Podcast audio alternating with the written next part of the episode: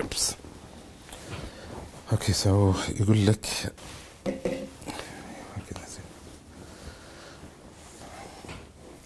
طيب يا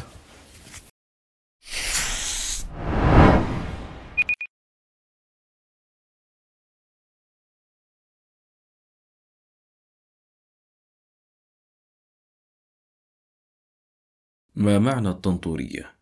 أظن اللي ابتعت السؤال اللي هو في الحلقة الأولى كان عنوان الحلقة هيروشيما والطنطورية فكنت أعول على يعني على الأقل إدراك ومعرفة شريحة من المتابعين لقضية الطنطورية. يعني هو لاعتبار مركزية القضية الفلسطينية في الوعي الاجتماعي العربي الإسلامي آه، حظيت هذه القضية بأدوات متعددة وكثيرة جدا من أجل تمرير كثير من القضايا المتعلقة بالقضية الفلسطينية سواء التاريخ المتعلق بهذه القضية النكسات اللي مرت بهذه القضية الأحداث المتعلقة بهذه القضية وغيرها وأحد الأدوات الأساسية اللي تم اعتمادها اللي هو الأعمال الروائية.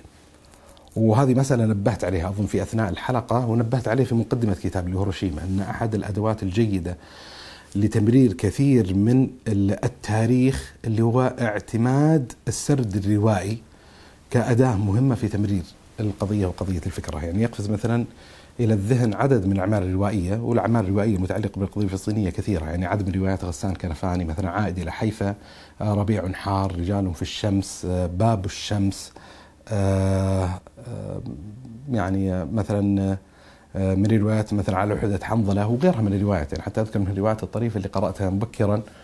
وما أخفيك أن انتابني حالة من حالات الإحباط لما وصلت لنهاية هذه الرواية اللي هو 80 عاما بحثا عن مخرج. لصلاح حسن. وسبب الإحباط أنه هو الرجل كان يعمل على بناء هذا العمل الروائي فلما انتصف به المشوار في هذا العمل الروائي استشهد عليه رحمة الله تبارك وتعالى فلم يتم العمل. فصار دائما خاتمة هذه الرواية كما يقال معلق ومسرح الخيال لتصور ما الذي كان سينهي مؤلف هذه الرواية هذه الرواية. فأحد الروايات المشهورة جدا المتعلقة بالقضية الفلسطينية وعلى قولتهم بالإنجليزية I try to hint من خلال عنوان هيروشيما والطنطورية أن الحديث سيتناول فيما سيتناول بعض المعطيات المتعلقة بالأحداث الآنية الحاصلة في غزة وفي الأرض المباركة. فرواية الطنطورية عبارة عن رواية يعني كتبتها المؤلفة المشهورة رضا رضوى عاشور. والرواية في الجملة تدور حول يعني شخصية محورية في هذه الرواية اللي هو رقية الطنطورية. وحاولت رضوى عاشور عبر هذه الشخصية أن تحكي جملة من القضايا المتعلقة بالقضية الفلسطينية عبر ثلاثة أجيال وكما يقال من المحيط إلى الخليج اللي التداعيات اللي أحدثتها يعني بدءا مما يتعلق بالأزمات والنكبات المتتالية المتعلقة بالقضية الفلسطينية 1948 النكسة آه، اللي اللي اللي تلتها المذبحة اللي حصلت في طنطورة آه، وهي قرية ومدينة موادعة واقعة في جنوب حيفا مذبحة صبرا وشاتيلة آه، ما يتعلق بمقتل آه، ناجي العلي آه، اللي هو الكاريكاتير المشهور اللي كان يرسم يعني شخصية حنظ- حنظلة. فشاهد أن ال- الطنطورية هي رواية دسمة في حكاية كثير من التفاعلات الاجتماعية والتفاعلات السياسية والأحداث والتاريخ الذي عصف بهذه ال- الأرض المقدسة هذه الأرض المباركة.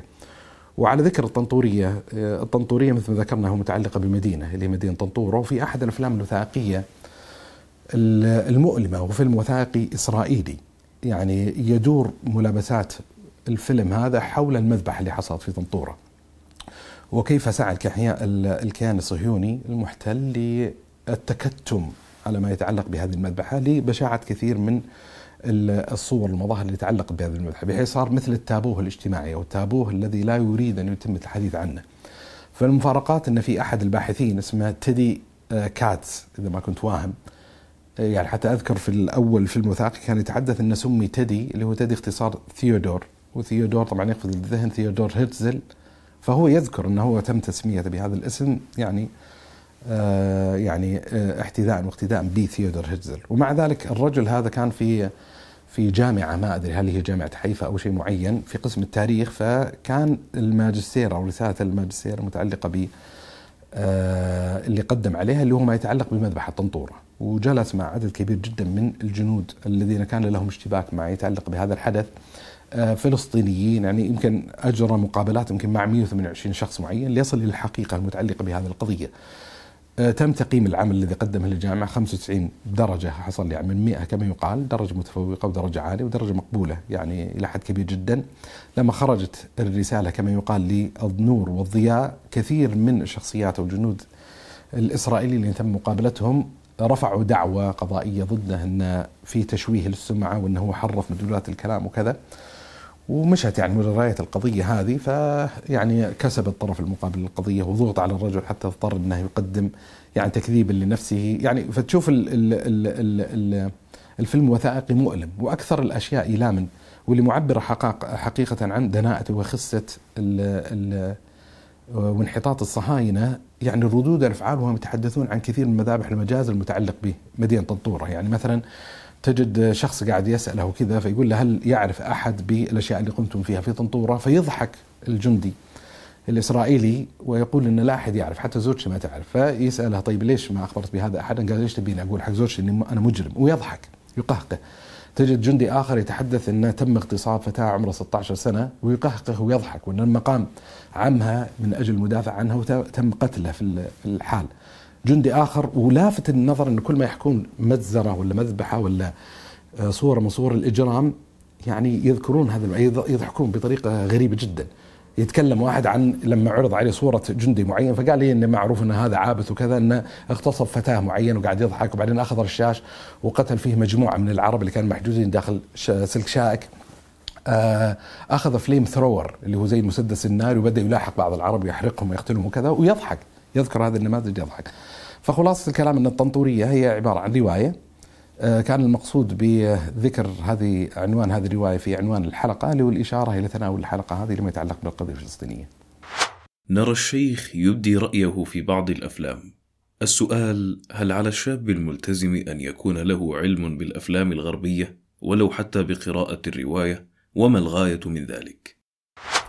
طيب آه، يعني كإجابة مجمل أن هل على الشاب الملتزم وخلينا نستعمل مع ال الموجودة في الشاب الملتزم ال شاب وال ملتزم على جهة الاستغراق فطبيعة الحال الجواب لا ليس على الشاب على سبيل الوجوب والاستحباب وأحيانا في كثير من الأحيان حتى وليس الإباحة آه لكن السبب الموجب لذكر هذه المسألة أظن ذكرت أو شرحت جزء من الظروف ملابسات المتعلقة بهذه القضية في أول حلقة كان عنوانها نتفليكس والمسيح الدجال. فذكرت أن أحد المشكلات العميقة الموجودة في الخطاب الدعوي المعاصر والتي تمثل نقطة عمياء في وعي الحالة الدعوية اللي هو تفاصيل ما يتعلق بعالم المسلسلات والأفلام. أن أحد أكبر المشكلات لوعي كثير من الأجيال الشبابية الآنية بل هو يعني كما يقال أكثر تاثيرا بكثير جدا من الكتب من المؤلفات آه، بل حتى الروايات لما نتحدث عنها اللي هو ما يتعلق بالمسلسلات والأفلام. يعني ما في شك ان من أعظم المضخات اللي تضخ القضايا الفكرية في عالمنا اليوم اللي هو مضخة ومصنع هوليوود إن صح التعبير. وبالتالي إذا ادرك الدعاة ان هذه إحدى المضخات الأساسية لتمرير التصورات الفكرية يستدعي هذا من فصيل على الأقل من الدعاة أن يكون عندهم قدر من الوعي لتفاصيل المجريات ما تضخ مثل هذه المنصة. يعني يستطيع الإنسان بسهولة انه يؤلف كتابا كبيرا الحقيقة مثلا فيما يتعلق بالرسائل الإلحادية المتعلقة بالأفلام والمسلسلات، يستطيع الإنسان انه يقدم مثلا مؤلفا كبيرا فيما يتعلق بتمرير الرسائل النسويه فيما يتعلق بالمسلسلات والافلام، مجرد ما ذكرت مثلا اللفظ يقفز للذهن عدد من الأفلام ذائعة الصيت اللي حصلت في الفترة القريبة الماضية، وكذلك إذا تناول يعني مثلا ما يتعلق ب يعني خليني أضرب مثال عملي، أذكر كنا جالسين في مجلس ما وأحد الأصدقاء اللي هو الشيخ أحمد سالم يعني أذكر هذا قديم الموقف لما خرج كتابه صورة الإسلاميين على الشاشة. فاجتمعنا في مجموعة من الزملاء من الشباب في ذلك المجلس فأحد الإخوة طرح سؤالا على الشيخ أحمد سالم، كان السؤال مضمونه ان ما ما فائده وما قيمة هذا العمل يعني في نهاية المطاف the conclusion the end game the result زين النتائج اللي تريد إنك تصل إليها واضحة يعني بداهة إن صورة الاسلام على الشاشة العربية والغربية صورة مشوهة. فما الفائدة يعني من تأليف مثل هذا الكتاب؟ والكتاب يعتبر نسبيا يعني حجم متوسط الكتاب يعني يميل للكبر إلى حد ما. فأذكر طلبت من الشيخ أحمد يومها أني يوليني إجابة. يعني يعني هذا التساؤل هذا الاستدراك وهذا الاعتراض الحقيقة على تأليف هذا الكتاب؟ فكان وجهة نظري اللي طرحتها أن لا يكفي أن ندرك أننا مسوهون على الشاشة فقط. يعني بمعنى لا يكفي أن يدرك الإنسان أن هنالك شبهات تثار عن طريق الشاشة عن طريق مسلسل الأفلام. يحتاج أن ندرك قضيتين، القضية الأولى ما مستوى ما مستوى هذا التشويه كمثال، يعني إيش مستوى؟ يعني لا يكفي أن يتعلق الإنسان بمجرد المعرفة المطلقة بأن هناك تشويه. لابد يعرف الإنسان أن حجم التشويه بحيث يستطيع الاشتباك مع إدراكه الواعي بمستوى التشويه وما طبيعة هذا التشويه وقضاياه المثارة بحيث يستطيع الإنسان الاشتباك مع تلك القضايا وتوضيح الصورة المتعلقة بها.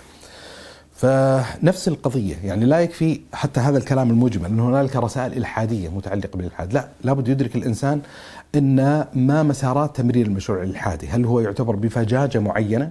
وهذا يجد الإنسان الفجاجة في بعض الحوارات الثنائية التي تدار من خلال كثير من المسلسلات والأفلام أو آه، بطريقة غير مباشرة. مثلا يعني تمرير مثلا شبهة وسؤال الشر بطرائق غير مباشرة. يعني تصوير نوع من أنواع المعاناة ثم مثلا يصرخ مثلا البطل وكذا لماذا يا الله؟ ولا شيء معين وكذا أو يبدي اعتراض معين بحيث أنه تشحن النفوس يعني فيما يتعلق بهذه القضية. فموطن الشاهد ان يعني واعتقد أن أحد الواجبات المتعلقة بالدعاة اليوم على الأقل منهم من ضمنهم أن لابد يكون عندهم قدر من الوعي والإلمام والإدراك لكثير من المستجدات والمعطيات المتعلقة بعالم الأفلام والمسلسلات باعتبار أن هي أحد الأدوات الأساسية اللي تمرر من خلالها مشاريع وأفكار متعددة كثيرة جدا. أزعم أنه لا يلزم بالضرورة أن الإنسان أنه يصير متابعة وملاحقة تفصيلية وإن كان هذا يعني في بعض السياقات خصوصا مع بعض الأفلام اللي يكون لها حظوة وانتشار وتجذر وعمق داخل الحاضنة الاجتماعية. نحتاج أحيانا ممكن يتصور الإنسان تفاصيل متعلقة بها لكن يستطيع الإنسان إدراك كثير من الملابسات والإشكالات المتعلقة بجمل الأفلام عن طريق يعني عن طريق أخرى. يعني كثير من الأفلام والمسلسلات يتم تطويرها عن طريق الروايات وبالتالي يستطيع الإنسان أن يفضي إلى عالم الرواية ويقرأ الرواية بحيث أنه على الأقل يكون عنده قدر من الإلمام المتعلق بهذه القضية.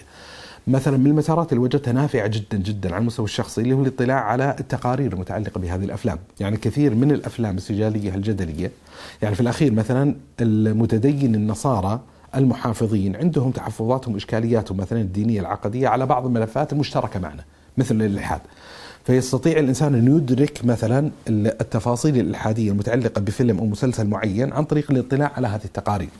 أنا حريص بعض الأحيان إني أدخل على موقع مثلا IMDb اللي هو ال Internet Movie Database بحيث الإنسان يتعرف على بعض الأشياء المتعلقة مثلا بهذه الأفلام بالذات الأفلام اللي يكون لها نوع من أنواع التأثير.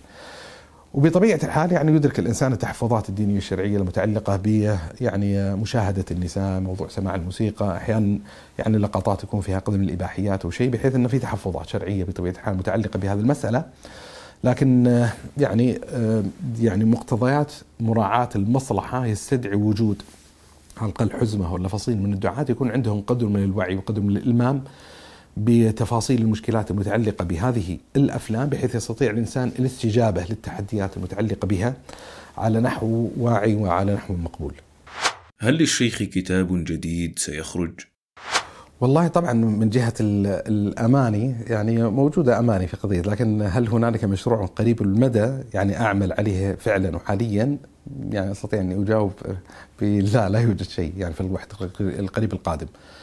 لكن هنالك سعي لتحضير بعض المواد العلمية وحضرت يعني مجموعة ما كثيرة جدا يعني من المواد المتعلقة بالسلاسل العلمية، يعني عندي رغبة آه للتوسع كما يقال في تقديم بعض المواد المرئية. يعني محاضرات ودروس سلاسل علمية معينة.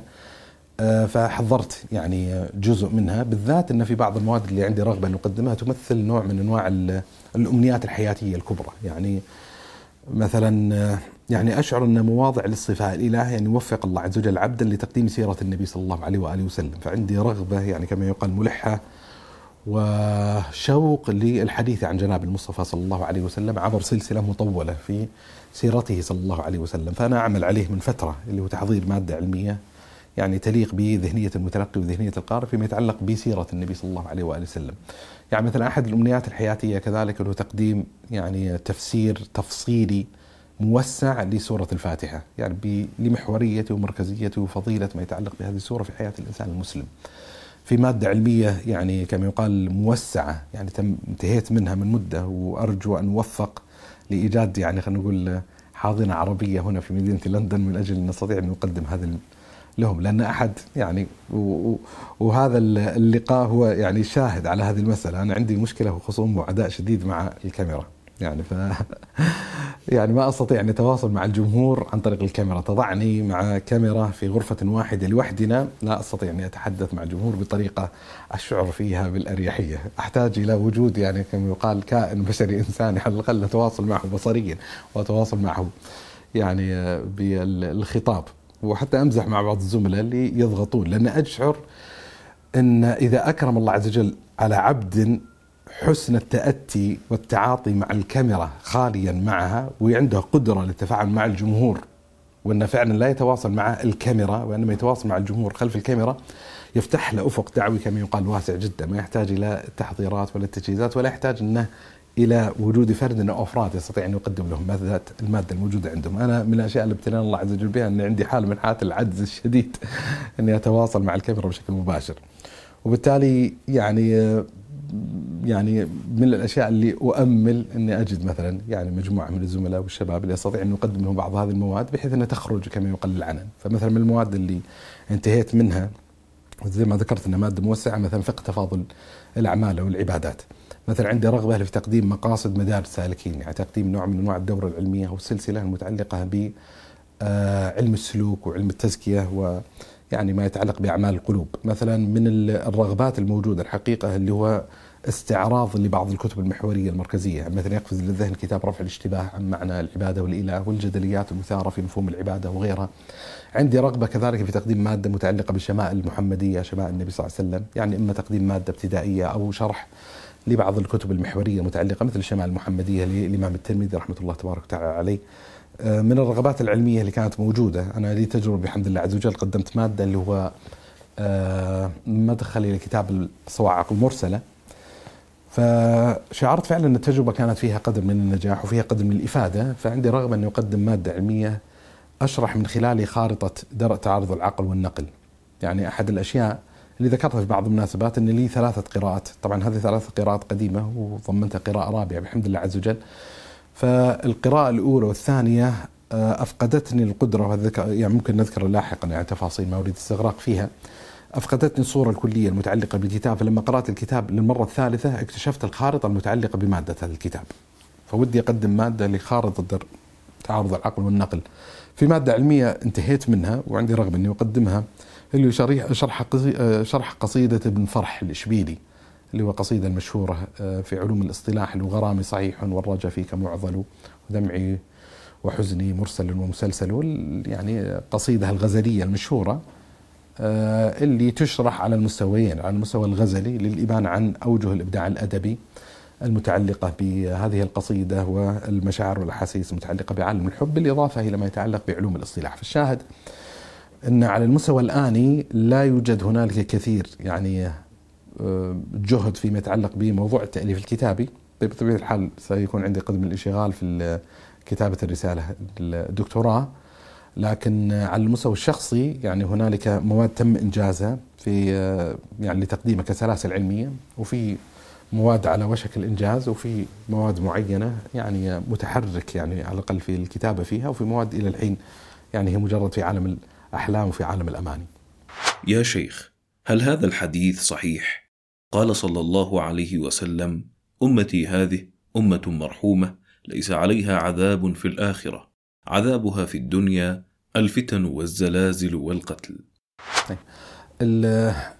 الحديث هذا لما طرح سؤال عدت يعني كما يقال إلى يعني إلى ما يتعلق به فاللي وجدت أن الحديث هذا رواه الإمام أبو داود رحمة الله تبارك وتعالى عليه وهو حديث مختلف في تصحيحه بين الأئمة يعني من الأئمة من يضعفه وهنالك بعض الأئمة ممن يصححه والحديث مشكل وجه الإشكال اللي هو اللفظ الوارد في حديث النبي صلى الله عليه وسلم لما قال صلى الله عليه وسلم في هذا الحديث إن صح اللي هو ليس عليه عذاب في الآخرة.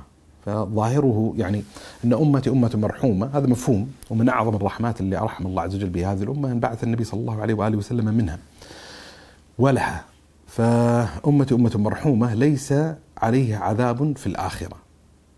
وأن كل عذاب يتعلق بهذه الأمة هو عذاب متعلق بالدنيا. فإن فهم الحديث على وجه أن كل عذاب يتعلق بالأفراد من هذه الأمة المسلمة فهو عذاب معجل في الدنيا بحيث يكفر الله عز وجل عن جميع أبناء الأمة.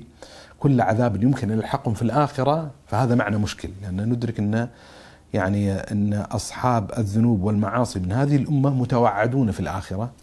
وندرك من خلال الدلالة الشرعية أن بعضا من أولئك المتوعدين في الآخرة سيعذبون. وفي يعني دلائل وإشارات متعددة وكثيرة يعني يمكن أن يدخلها الإنسان فيما يتعلق بهذا الإطار. فهذا هذا معنى إشكالي أن كيف يمكن أن أن يكون العذاب يعني مرفوعا عن الأمة في الآخرة. هذا معنى مشكل. فالعلماء لهم مقاربات. يعني أول شيء ما ذكرت اللي يصحح هذا الحديث هو المضطر إلى معالجته، الذي لا يصححه خلاص يرى إنه حديث ضعيف.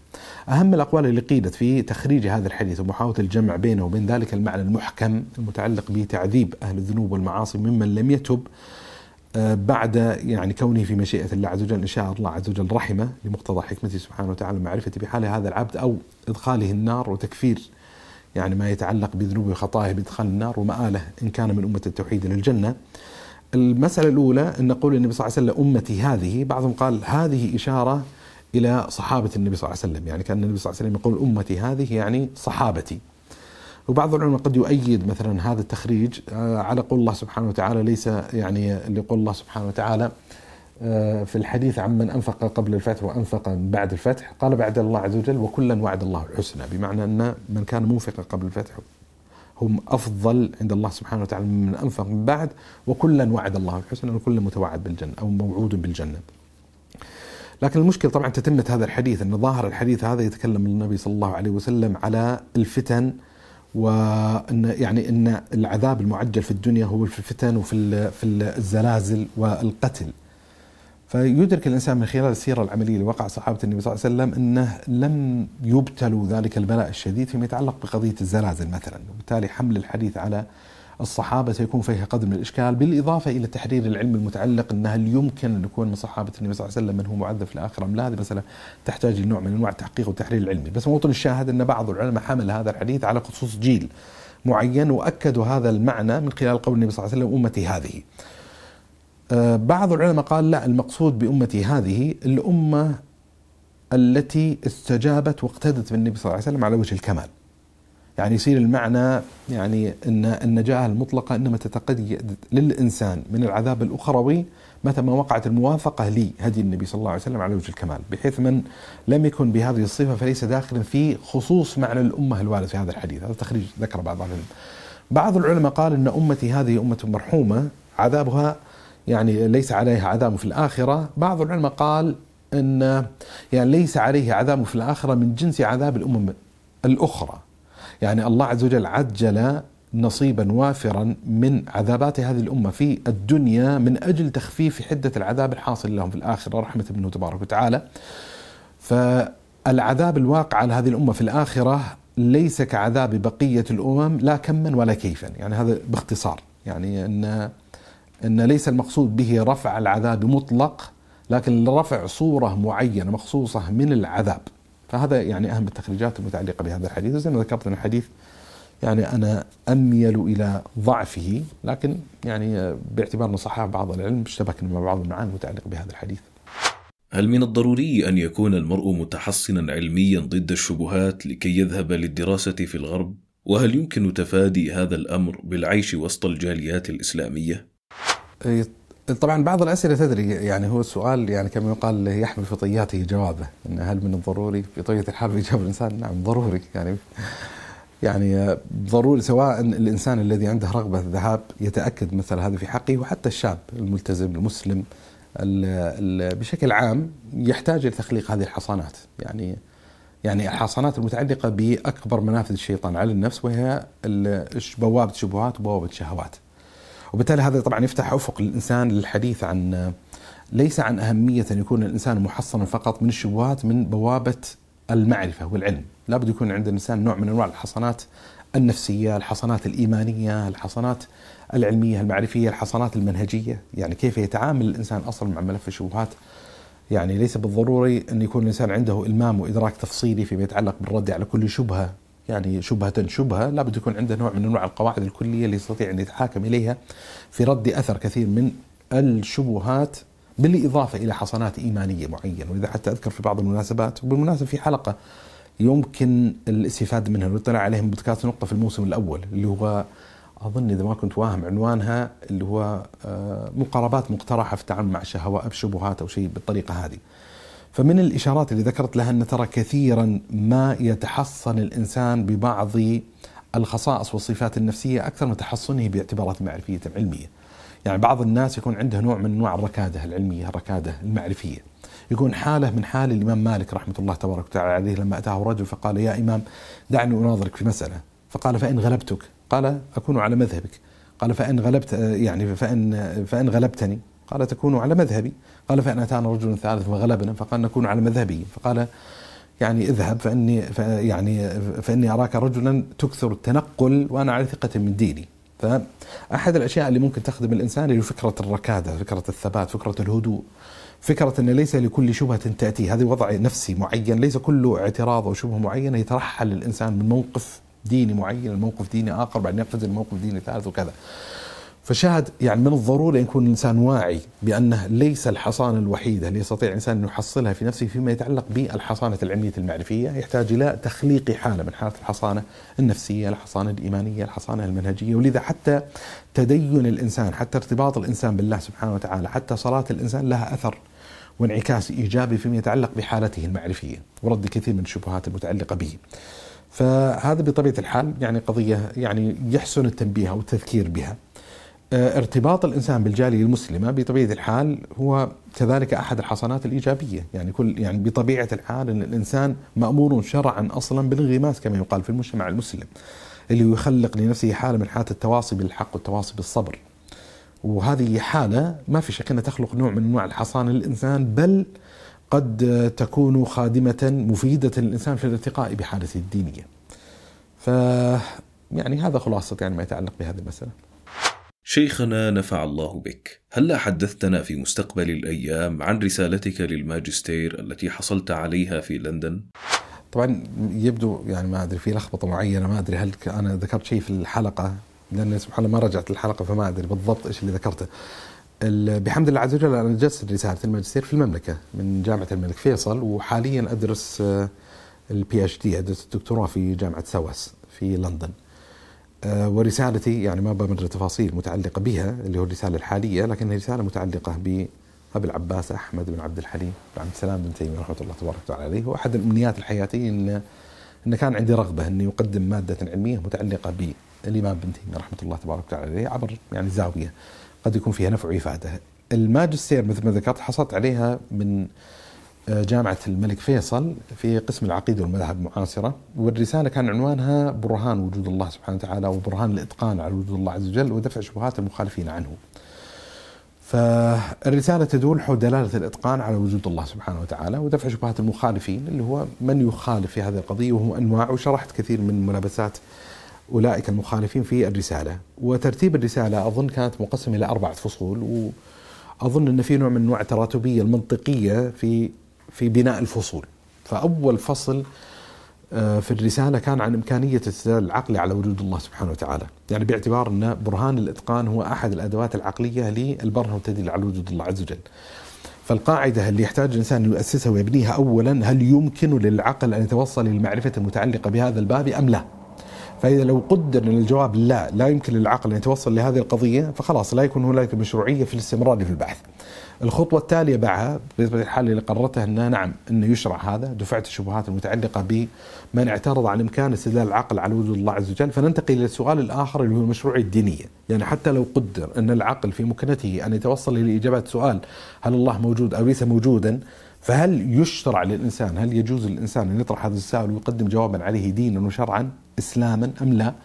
فالذي حققت كذلك أن أن مثل هذا المقام متى ما احتيج إليه مشروع وذكرت تفاصيل متعلقة بهذه المسألة خصوصا ما يتعلق يعني بموقف مثلا ابن تيمية وغيره من أهل العلم في فطرية معرفة الله سبحانه وتعالى فإذا كان معرفة الله عز وجل هو معنى فطري فما الحاجة أصلا على التعويل على الدلالة العقلية؟ فذكرت كذلك ما يتعلق بمواقف أهل العلم متعلقة بهذه المسألة. فإذا ثبت عند الإنسان أن العقل في إمكانه أن يستدل على وجود الله عز وجل وأنه من آه، المقامات المشروعة دينا اللي هو بناء مثل هذه الدلالة العقلية وهذه الدلالة العقلية كذلك واردة في النص القرآني يفتح هذا الباب لمشروعية آه، طرح سؤال دلالة الإتقان إن هل في دلالة الإتقان دلالة عقلية صحيحة شرعية لإثبات وجود الله عز وجل أم لا؟ فاللي حققت في الفصل الثالث أنه نعم وذكرت بنية هذا الدليل شيء من تاريخ هذا الدليل شيء من الأسماء المتعلقة بهذا الدليل.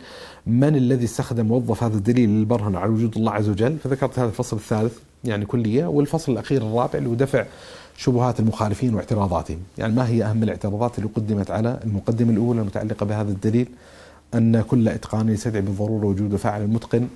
آه، المقدمة الثانية اللي هو آه، الإتقان موجود في هذا العالم ويعني برهنت عليه في الفصل الثالث الآن أدفع الشبهات والاعتراضات المتعلقة به ثم دفع الشبهات والاعتراضات المتعلقة بالنتيجة. تسلب المقدمتين في النتيجة فالفاعل المتقن لإيجاد هذا العالم هو الله سبحانه وتعالى. فهذا ما يتعلق برسالة الماجستير وأسأل الله سبحانه وتعالى يعني بعد مدة زمنية بعد يعني ما ننتهي مشروع الدكتوراه أن أجلس في مثل هذا المجلس متحدثا عن أو مقدم ملخص فيما يتعلق به برسالة الدكتوراه. ولعل في مستقبل الأيام يكون هنالك مجال للإنسان يتحدث عن رسالة الماجستير على نحو مفصل أو يقدم جزء من المادة العلمية الموجودة في هذه الرسالة في يعني مسارات علمية نافعة بإذن الله سبحانه وتعالى. ما هي رؤية الشيخ المستقبلية فيما يتعلق بتمدد الحداثة الغربية إلى المجتمعات الإسلامية والعربية وانتشار المادية والاستهلاكية وتدني المعايير الأخلاقية؟ طيب الحقيقة نحن مغمسين كما يقال في الحداثة يعني ليست المسألة متعلقة برؤية مستقبلية نحن نعيش في أزمة الحداثة والأزمة الحداثة اللي نعيشها ليست وليدة اليوم كما يقال يعني آه، نحن لنا يعني كما يقال آه، سنوات أصلا نعاني من المعطيات المتعلقة بالحداثة وتأثيرات الحداثة على تصوراتنا الدينية الشرعية تصورات على معاييرنا الأخلاقية تصور يعني تعلقاتها المتعلقة بقيمنا.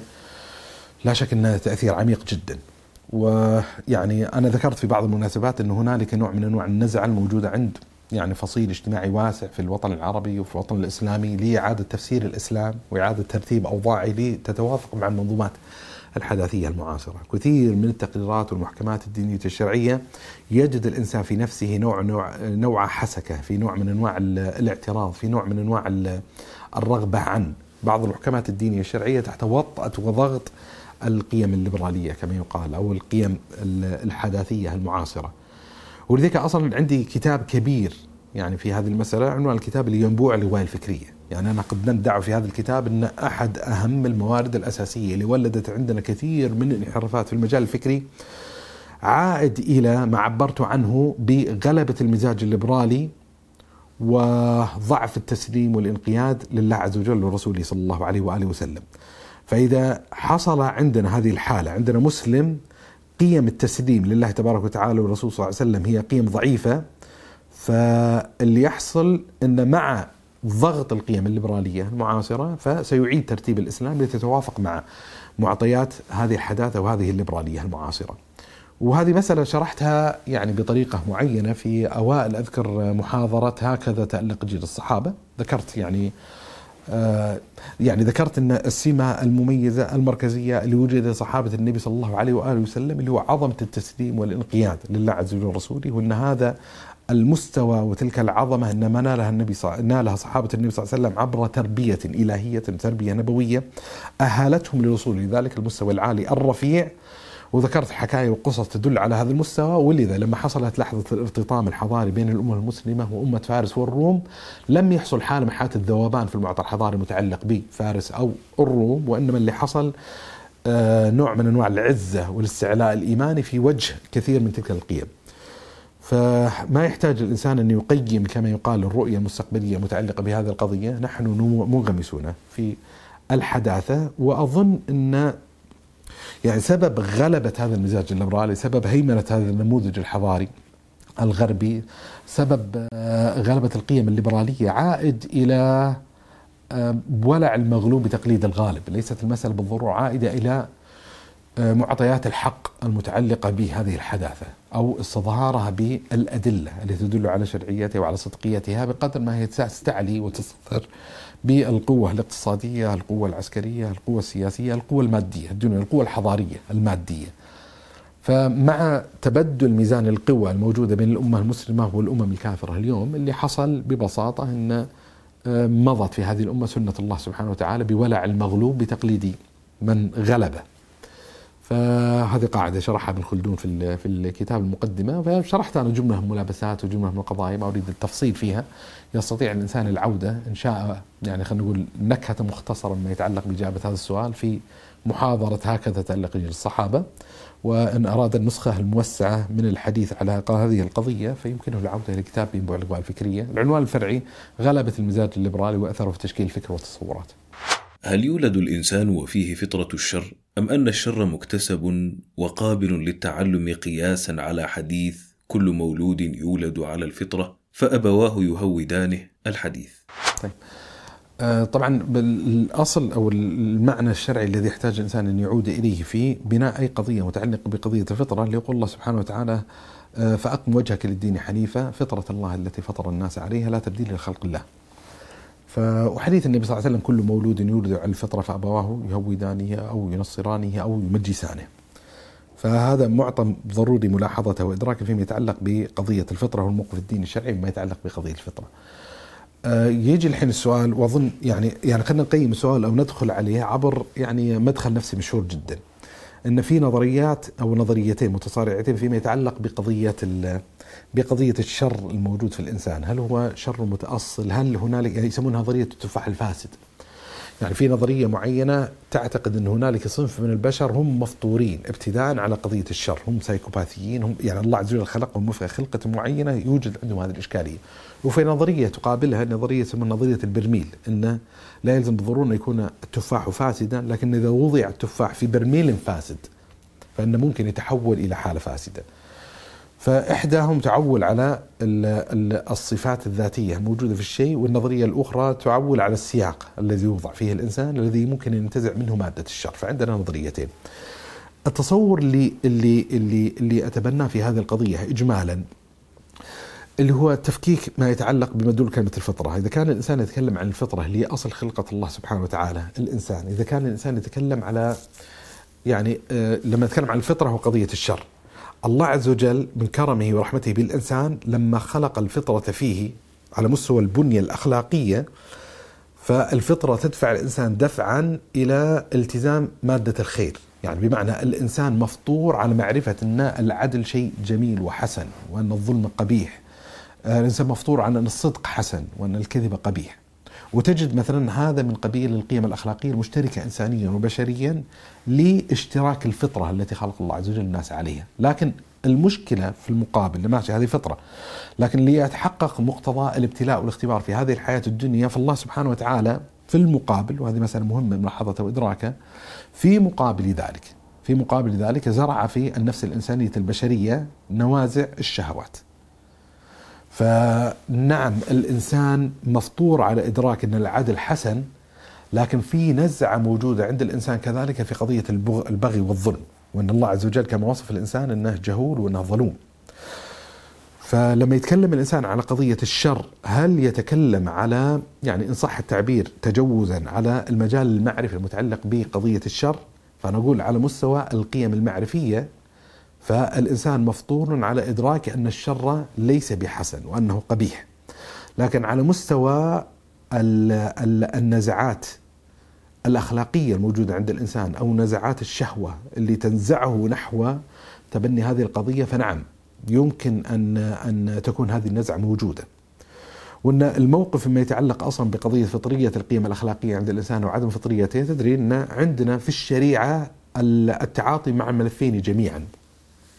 يعني لما قابل النبي صلى الله عليه وسلم وفد بني تميم إذا ما كنت واهم اللي هو الأشج عبد القيس فقال النبي صلى الله عليه وسلم له إن فيك خصلتان يحبهم الله ورسوله الحلم والأنا. فقال أمر جبلت عليهما يا رسول الله أم يعني تطبعت بهما؟ فقال النبي صلى الله عليه وسلم بل جبلت عليهما. يعني الله عز وجل خلقك وخلقك فيك هذه. وثابت في حديث النبي صلى الله عليه وسلم الآخر إنما الحلم بالتحلم وإنما العلم بالتعلم. وبالتالي حتى الشخصية اللي ما عندها الحلم يمكن أن تتطبع بطبيعة الحلم.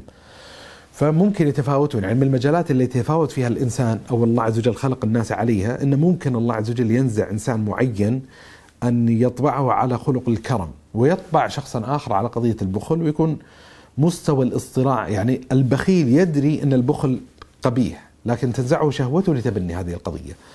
والكرم حسن آه، ف يعني بحسب تعاطي الإنسان مع هذه القيم الأخلاقية الموجودة عنده وكيف يثمرها كيف يبنيها كيف يقاوم النزعات الشر الموجودة عنده ويثبت نزعات الخير الموجودة عنده. فهذه المسألة والقضية اللي يظهر لي والله تبارك وتعالى أعلم. يمكن أن الفطرة طبعا المتعلقة بالمجال المعرفي أنها تنتكس بحيث أن هنالك جملة من الشرور التي يبدأ الإنسان ينظر لها أو يتبناها وفق انتكاس الفطرة. وهذا أصلا اشار له النبي صلى الله عليه وسلم في الحديث لما قال فأبواه يهودانه أو ينصرانه ومجسانه بمعنى أنه يمكن يقع هنالك تغيير تغيير آه، يعني وانتكاسة في فطرة الإنسان بناء على تأثير المعطيات والمؤثرات الخارجية. هل من الممكن إعداد حلقة لمناقشة موضوع صناعة التفاهة؟ طيب هل بالإمكان إعداد حلقة؟ يعني أظن إنه فعلا إنها من الحلقات الممكن المهمة والمرشحة أن تقدم له حلقة كاملة فعلا عن موضوع التفاهة وما يتعلق بصناعة التفاهة في هذا الزمان. يعني خصوصا يعني أظن فعلا أن أحد الأزمات الكبرى التي نعاني منها اليوم اللي يتعلق كثيرا من الأجيال الشبابية الآنية بقضية التفاهة وأن عززت حالة التعلق بالتفاهة والتافهين عبر يعني شبكات التواصل الاجتماعي. وأن هنالك منصات أصلا يستشعر الإنسان أنها كأنما هي بنيت أو كأن الثيمة الأساسية لهذه المنصة هو إشاعة حالة التفاهم. تجد تحديات معينة رقصات معينة أشياء معينة يصير تعلق الإنسان بهذه بهذه المجالات اللي تنزعه من مقومات الجدية يعني التي يجب أن تكون أصيلة في حياته والتعلق بقضية التفاهة. النبي صلى الله عليه وآله وسلم وهذه حالة سبحان الله دينية شرعية تحدث فيها الشارع أصلا. يعني هنالك حديث عجيب من حديث النبي صلى الله عليه وسلم قال إنها ستأتي أو ستكون على الناس سنوات أو سنون خدعات. يصدق فيها الكاذب ويكذب فيها الصادق ويؤتمن فيها الخائن ويخون الأمين. وتنطق الرويبضة يقول النبي صلى الله عليه وسلم وتنطق الرويبضة. فسئل النبي صلى الله عليه وسلم وما الرويبضة؟ فقال الرجل التافه. يتكلم في أمر العامة. وأنا أتلمس يعني صدقية هذا الإطلاق وصدقيه هذه العبارة في الزمن المعاش اليوم، إن تجد كثيرا من التافهين يتحدثون في قضايا كبرى متعلقة بحياة الأمة. والأزمة يعني مثل ما ذكر الأخ الكريم في السؤال صناعة التفاهة، إحنا ما نتكلم على مجرد حالة التفاهة، لا نتكلم على الصناعه تجد صناعة ضخمة لضخ التفاهة وتعليق الناس بالتفاهة وبالتافهين وهنالك سعي لتطبيع حالة التفاهة مع الناس أن بحيث هي تكون الوضعية الطبيعية. يعني عبر أدوات متعددة وكثيرة جدا ولا تخطئ العين أن شريحة كبيرة إن لم تكن هي الشريحة الأوسع من المشاهير هم من التافهين. آه، ولذا من الأزمات اللي خلقها مثلا منصات شبكة يعني منصات التواصل الاجتماعي اللي هو الرغبة في الشهرة لمجرد الشهرة. هذه ظاهرة يعني تعتبر غريبة وجديدة إنسانية وبشرية يعني هو المعتاد أن الإنسان عنده رغبة ليتخصص في مجال معين حتى لو وجدت عنده هذه الشهوة الخفية اللي هو الرغبة في الشهرة وهي أحد الشهوات الخفية الموجودة عند الإنسان.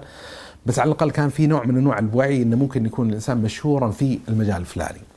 من المظاهر الغريبة المتعلقة واللي أكدت عليه حالة التفاهة أنه ممكن يكون الإنسان مشهورا لمجرد الشهرة. يعني ما في قضية بعد ذلك. يعني حتى أذكر أحد الأصدقاء كان يتحدث أن مع أحد أبنائه فيقول له إيش ترغب أو تحب أو تريد أن تكون إذا كبرت؟ هذا السؤال التقليدي اللي يطرح للأطفال فتجد الطفل يقول لك I want to be a doctor an astronomer مدري يعني رائد فضاء أشياء هذه الأحلام الكبيرة الموجودة. ففوجئ هذا الأب أن ولده قال له أبغى أصير مشهور. فقال طيب تبي تصير مشهور في ماذا؟ فزي اللي ارتبك الابن بعدين قال أبغى أصير مشهور. يعني that end game يعني هي مجرد الشهرة فاللي عزز إمكانية إن يكون الإنسان مشهورا اللي هو وجود بوابة الشهرة عبر التفاهة يعني يصير حال الإنسان فعلا ويتلمس الإنسان هذا في كثير من التافهين إن حالة الشهرة التي اكتسبها هي الحالة اللي عصت بذهنية ذلك الاعرابي الذي بال في ماء زمزم، فلما قيل كيف تفعل هذا؟ قال أردت إني أدخل التاريخ، ومع ذلك سبحان الله إلى اليوم لا يعرف ما اسم هذا الأعرابي. لكن هذا الأعرابي لو قدر وجوده في زمانه لوجد له كما يقال منصات ولا يوجد له متابعين. فخلاص الكلام وممكن يرحل أصلا تفاصيل كثيرة ما يتعلق بهذه المسألة إلى حلقة مفردة فيما يتعلق بصناعة التفاهه وتطبيع التفاهه في حياتنا إن عندنا أزمة حقيقية يجب أن يعي الإنسان من حيث هو إنسان إن ترى هو يعيش في هذه الحياة الدنيا في كبد وبالتالي مفترض أن تكون قضية الجدية هي القضية المحورية هي اللي تستدعي جهدا كبيرا في حياته وأن قضية الارتقاء أو التعلق بقضية الترفيه هي القضية الثانوية المتعلقة بحياته الجدية. ولا يمكن أن يتحقق الإنسان حالة من حالة التدين الصادق إلا إذا كان مستوى الجدية في حياته على مستوى عال فكثير من التكاليف الدينية الشرعية أصلا ارتباط مبدأ التكليف الديني الشرعي وطاعة الله عز وجل وطاعة النبي صلى الله عليه وسلم والالتزام بالأحكام الشرعية اللي قررها الله سبحانه وتعالى ما تتأتى للإنسان إلا إذا كان عنده منسوب الجدية عالي ويكفي استحضار في هذا السياق والله سبحانه وتعالى في القرآن الكريم يا يحيى خذ الكتاب بقوة. إن ليس مطلوب من الإنسان أن يأخذ القرآن الكريم وياخذ هذا الدين وياخذ هذه الشرعة بل المطلوب منه أن يأخذ هذه الدين والشرعية والشرعة بجدية، أن يأخذها بقوة.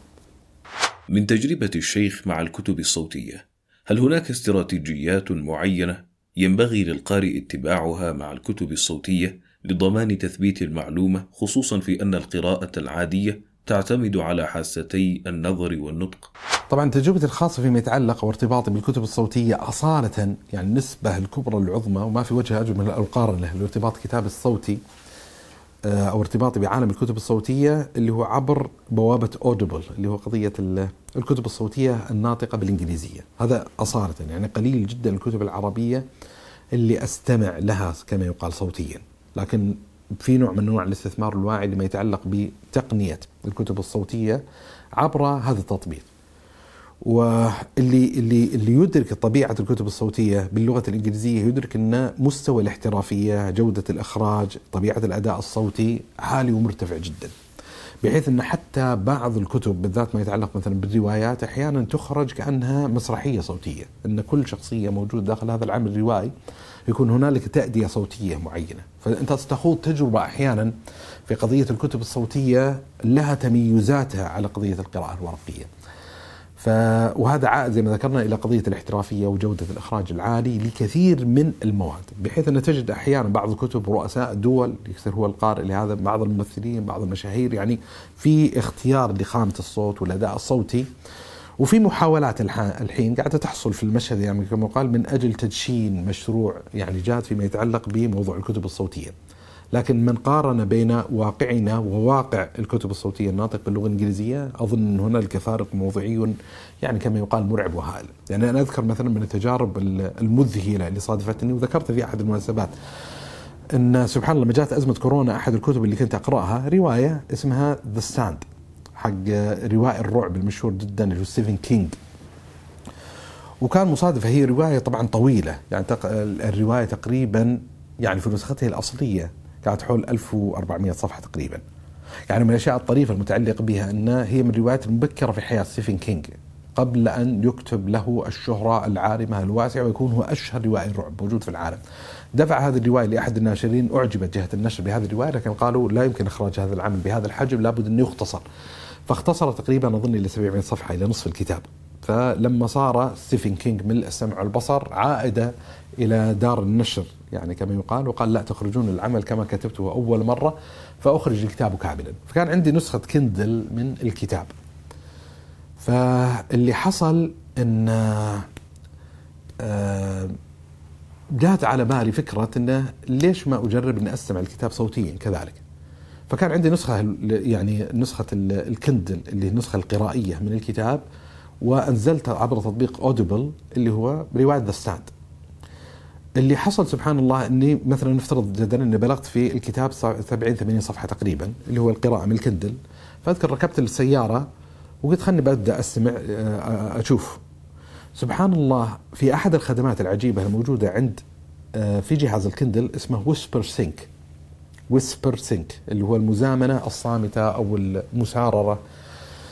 ففكرتها وكنت أنا واعي التقنية هذه مفيدة جدا أن يعني أحيانا جهاز ال Kindle لا يكون معي موجود. فاللي يحصل أن إذا كنت مثلا في موعد في مستشفى أو في مكان معين وعندي رغبة ان أستكمل قراءة الكتاب أستطيع إخراج ال iPhone.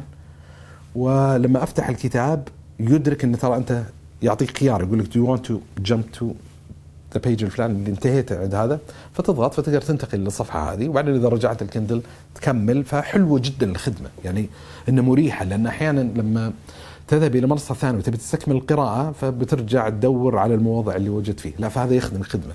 الأمر الصادم مفاجئ واللي ما كنت أحسب له حساب ولا أتخيل أن التقنيه وصلت إلى هذا المستوى اللي هو لما ركبت السيارة وشغلت الكتاب الصوتي ذا عبر تطبيق Audible راح قفز فيني إلى الموضع صوتيا. فتفاجأت واستمعت إلى جزء من الحصة في تلك الرحلة لما رجعت البيت فتحت الكندل الا طلب مني إنه ترى أنت وصلت إن صح التعبير في الكتاب الصوتي بمكان فلاني تبي تواصل. فكانت تجربة لذيذة جدا في قضية القراءة اللي هو واختصرت مشوار القراءة عبر التنقل من الكتاب الورقي للكتاب الصوتي والعودة والذهاب والإياب فمع ضخامة حجم الكتاب لكن المدة الزمنية اللي أنجز فيها الإنسان هذا الكتاب كان يعتبر يعني فترة زمنية محدودة جدا. فلي تجربة فيما يتعلق بقضية الكتب الصوتية وزي ما ذكرت هي مرتبطة اصاله بالمقروءات باللغة الإنجليزية.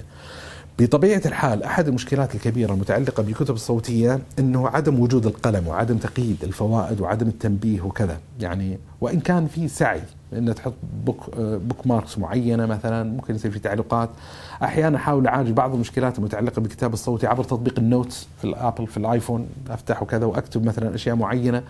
لكن بطبيعة الحال إن هنالك جزء من الأزمة والى الحين ليس واضحا تقنيا وفنيا في ذهني ان كيف يمكن الانسان إنه يغطي هذه المساحة. ولذا على المستوى الشخصي آه لا أستمع إلى كتب إلا من طبيعة معينة، يعني في كتب معينة علمية مثلا شرعية مثلا آه يعني حتى باللغة الإنجليزية في كتب معينة إذا كانت تحتاج إلى حالة من حالات التركيز، حالة من حالات وجود القلم بالتعليق، تقييد الفوائد وغيرها فما أستطيع أني أستمع إليها صوتيا وأعول كثيرا عن القراءة الورقية. في نمط آخر من الكتب روايات مثلا يستطيع الإنسان يستمع لها، يصير حجم يعني ما يستدعيه من تقييد الملاحظات والإشارات أقل رتبة من ذلك. اللافت النظر وهذه ما هي طبيعة موجودة عندي فقط ولا موجودة يشترك معي بعض المستمعين. هنالك مسارات معينة، مسارات معينة أنا أفضل فيها المادة المسموعة على المادة المقروءة. يعني أنا من الشخصيات مثلا الذي لا أرتاح كثيرا لقراءة كتاب في الوعظ. يعني تجد كتاب يؤلفه صاحبه بطريقة وعظية معينة. أخ الإيمان ويكتب الكلام أخ الإيمان أيها المسلم وكذا. ما أجد نفسي أتأثر. أتأثر أكثر لو استمعت إليها كموعظة تلقى شفاها. مثلا أنا من الناس لما أقرأ الدواوين كثير من الدواوين لا تحرك فيني شيئا. دواوين الشعرية. أقرأ القصيدة لا تحرك فيني شيئا. إذا ألقيت القصيدة بإلقاء مميز إذا ألقيت القصيدة بطريقة مميزة تؤثر فيني. لما أستمع إليها. ولذا أعول كثيرا على قضية السماع الشعر أكثر من قراءة الشعر. يعني خصوصا زي ما ذكرت إذا كانت تأدية الشعر بطريقة يعني مثيرة ومؤثرة. وأنا يعني من المدمنين لقناة الحبيب الصديق عبد الله العنزي عنده قناته في اليوتيوب وأنا مدمن يعني على الاستماع على كثير من القصائد الملقاة من قبله الجمالية وحلاوة الإلقاء وطريقة الإلقاء.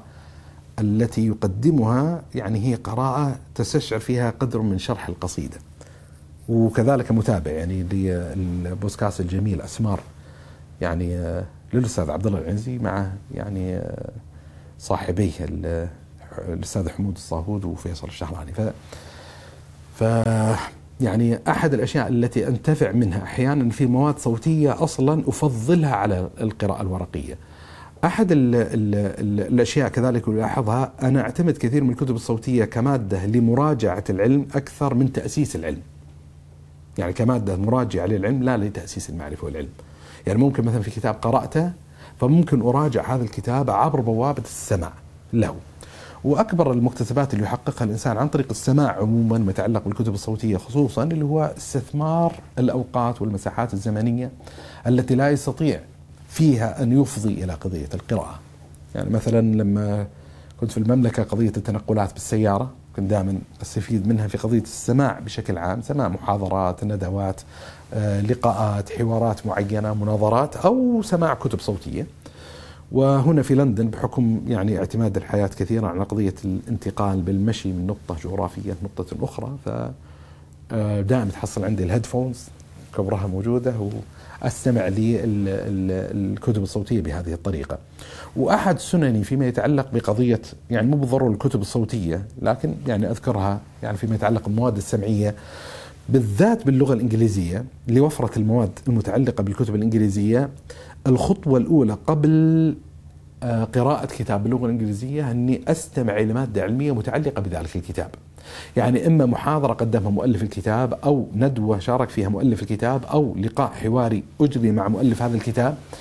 فلما أشاهد مثلا هذه المحاضرة هذا اللقاء يبتعث فيني أحد شعورين إما الاكتفاء والامتلاء والشعور بأن هذا القدر المعرفة الحاصلة عن موضوع هذا الكتاب كافي فأعرض عن مطالعة الكتاب مفصلا أو يشوقني أو تشوقني المحاضرة إلى مطالعة الكتاب مفصلا فأذهب إلى الكتاب وأتناوله وأقرأه بعد ذلك.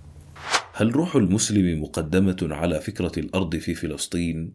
هل الأرض أو الحفاظ على الأرض من مقاصد الدين؟ أعتقد أن ما يسمى بالقضية الفلسطينية يهمل الفلسطيني على حساب الأرض والمقدسات طبعا من الإشارات اللي ذكرتها في في حلقه البودكاست اللي هو أهمية معرفة قدر المسلم عند الله سبحانه وتعالى وأن النبي صلى الله عليه وسلم ثبت عنه في الحديث الصحيح أن قال لزوال الدنيا أهون عند الله من من قتل مؤمن بغير حق.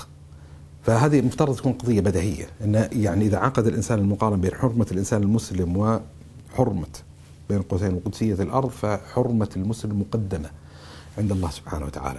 ولذا النبي صلى الله عليه وسلم يقول لن يزال المؤمن في يعني كثير النصوص الشرعية يعني تأمل مثلا قول الله سبحانه وتعالى ومن يقتل مؤمنا متعمدا فجزاؤه جهنم وغضب الله عليه ولعنه وعد له عذابا عظيما الدلائل الشرعية المتعلقة بحرمة دم المسلم وعظمة هذا الدم عند الله سبحانه وتعالى تراها نصوص متكاثرة ونصوص متواترة ونصوص كثيرة جدا. ويعني يعني لن يزال الإنسان في فسحة من يديه ما لم يصب دما حراما ان من ورطات الأمور التي لا مخرج منها اللي هو قتل النفس المؤمنة. عبد الله بن عمر كان مدرك هذه الحقيقة لما رأى الكعبة قال ما اعظمك وأعظم حرمتك. لكن حرمة المسلم عند أعظم عند الله عز وجل منك.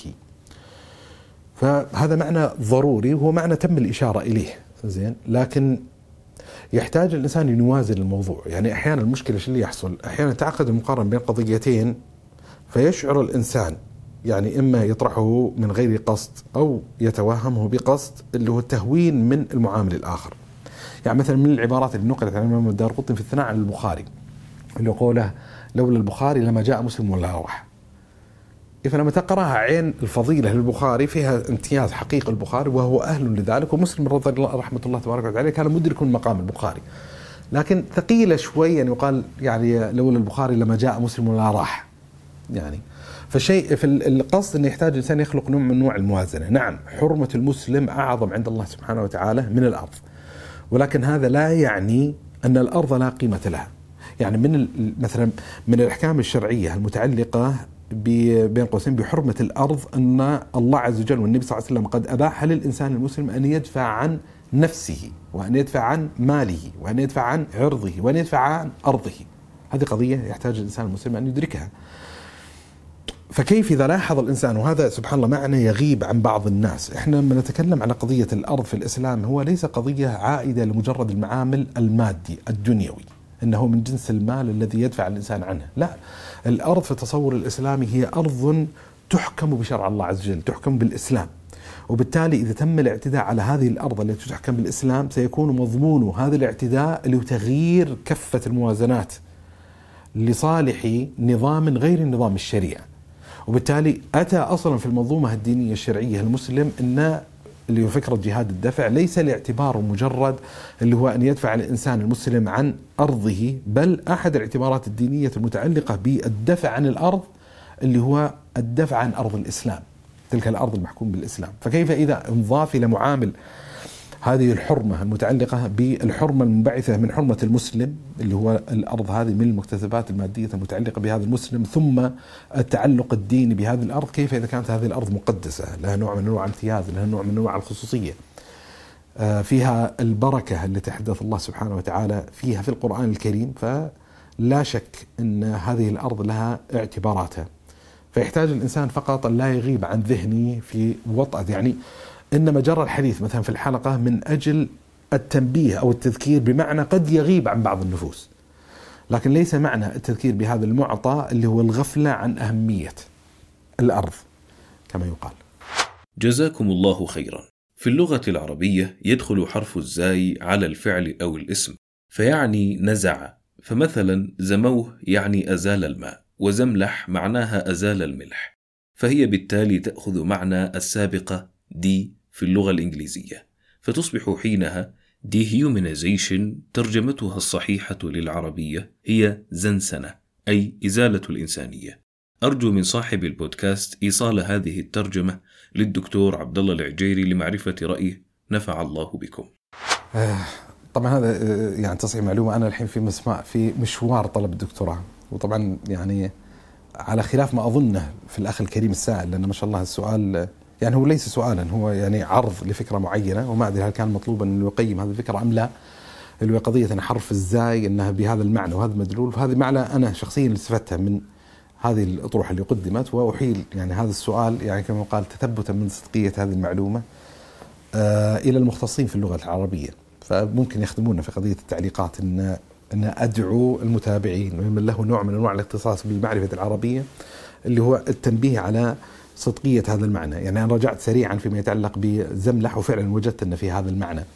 فإذا ثبت فعلا أن في إمكانية لاستثمار هذا المعطى بحيث أن الزاي تفيد ما تفيده دي فزنز سنة يعني بتصير يعني يعني هو بس الارتباك الوحيد أو الإشكال الوحيد أنها تحتاج أن تفسر هذا التفسير من أجل أن أن يدركه الطرف المتلقي. ففيه نفع وإفادة لكن زي ما ذكرت أن آه، آه، تثبيت هذه المعلومة من خلال المختصين بمعرفة علوم العربية سيكون آه، مفيدا ونافعا بإذن الله سبحانه وتعالى. سؤالي يا شيخ أنا إذا جيت أدعي أقول يا رب ارحمني اشفني يجي في نفسي أتذكر أطفال غزة فأتوقف عن الدعاء. أنا لا أريد أن أقول الكلام اللي يجي في نفسي لأني خايفة من الله. يعني ربي ما رحم أطفال فلسطين يرحمك أنت. يجي في نفسي هذا الكلام.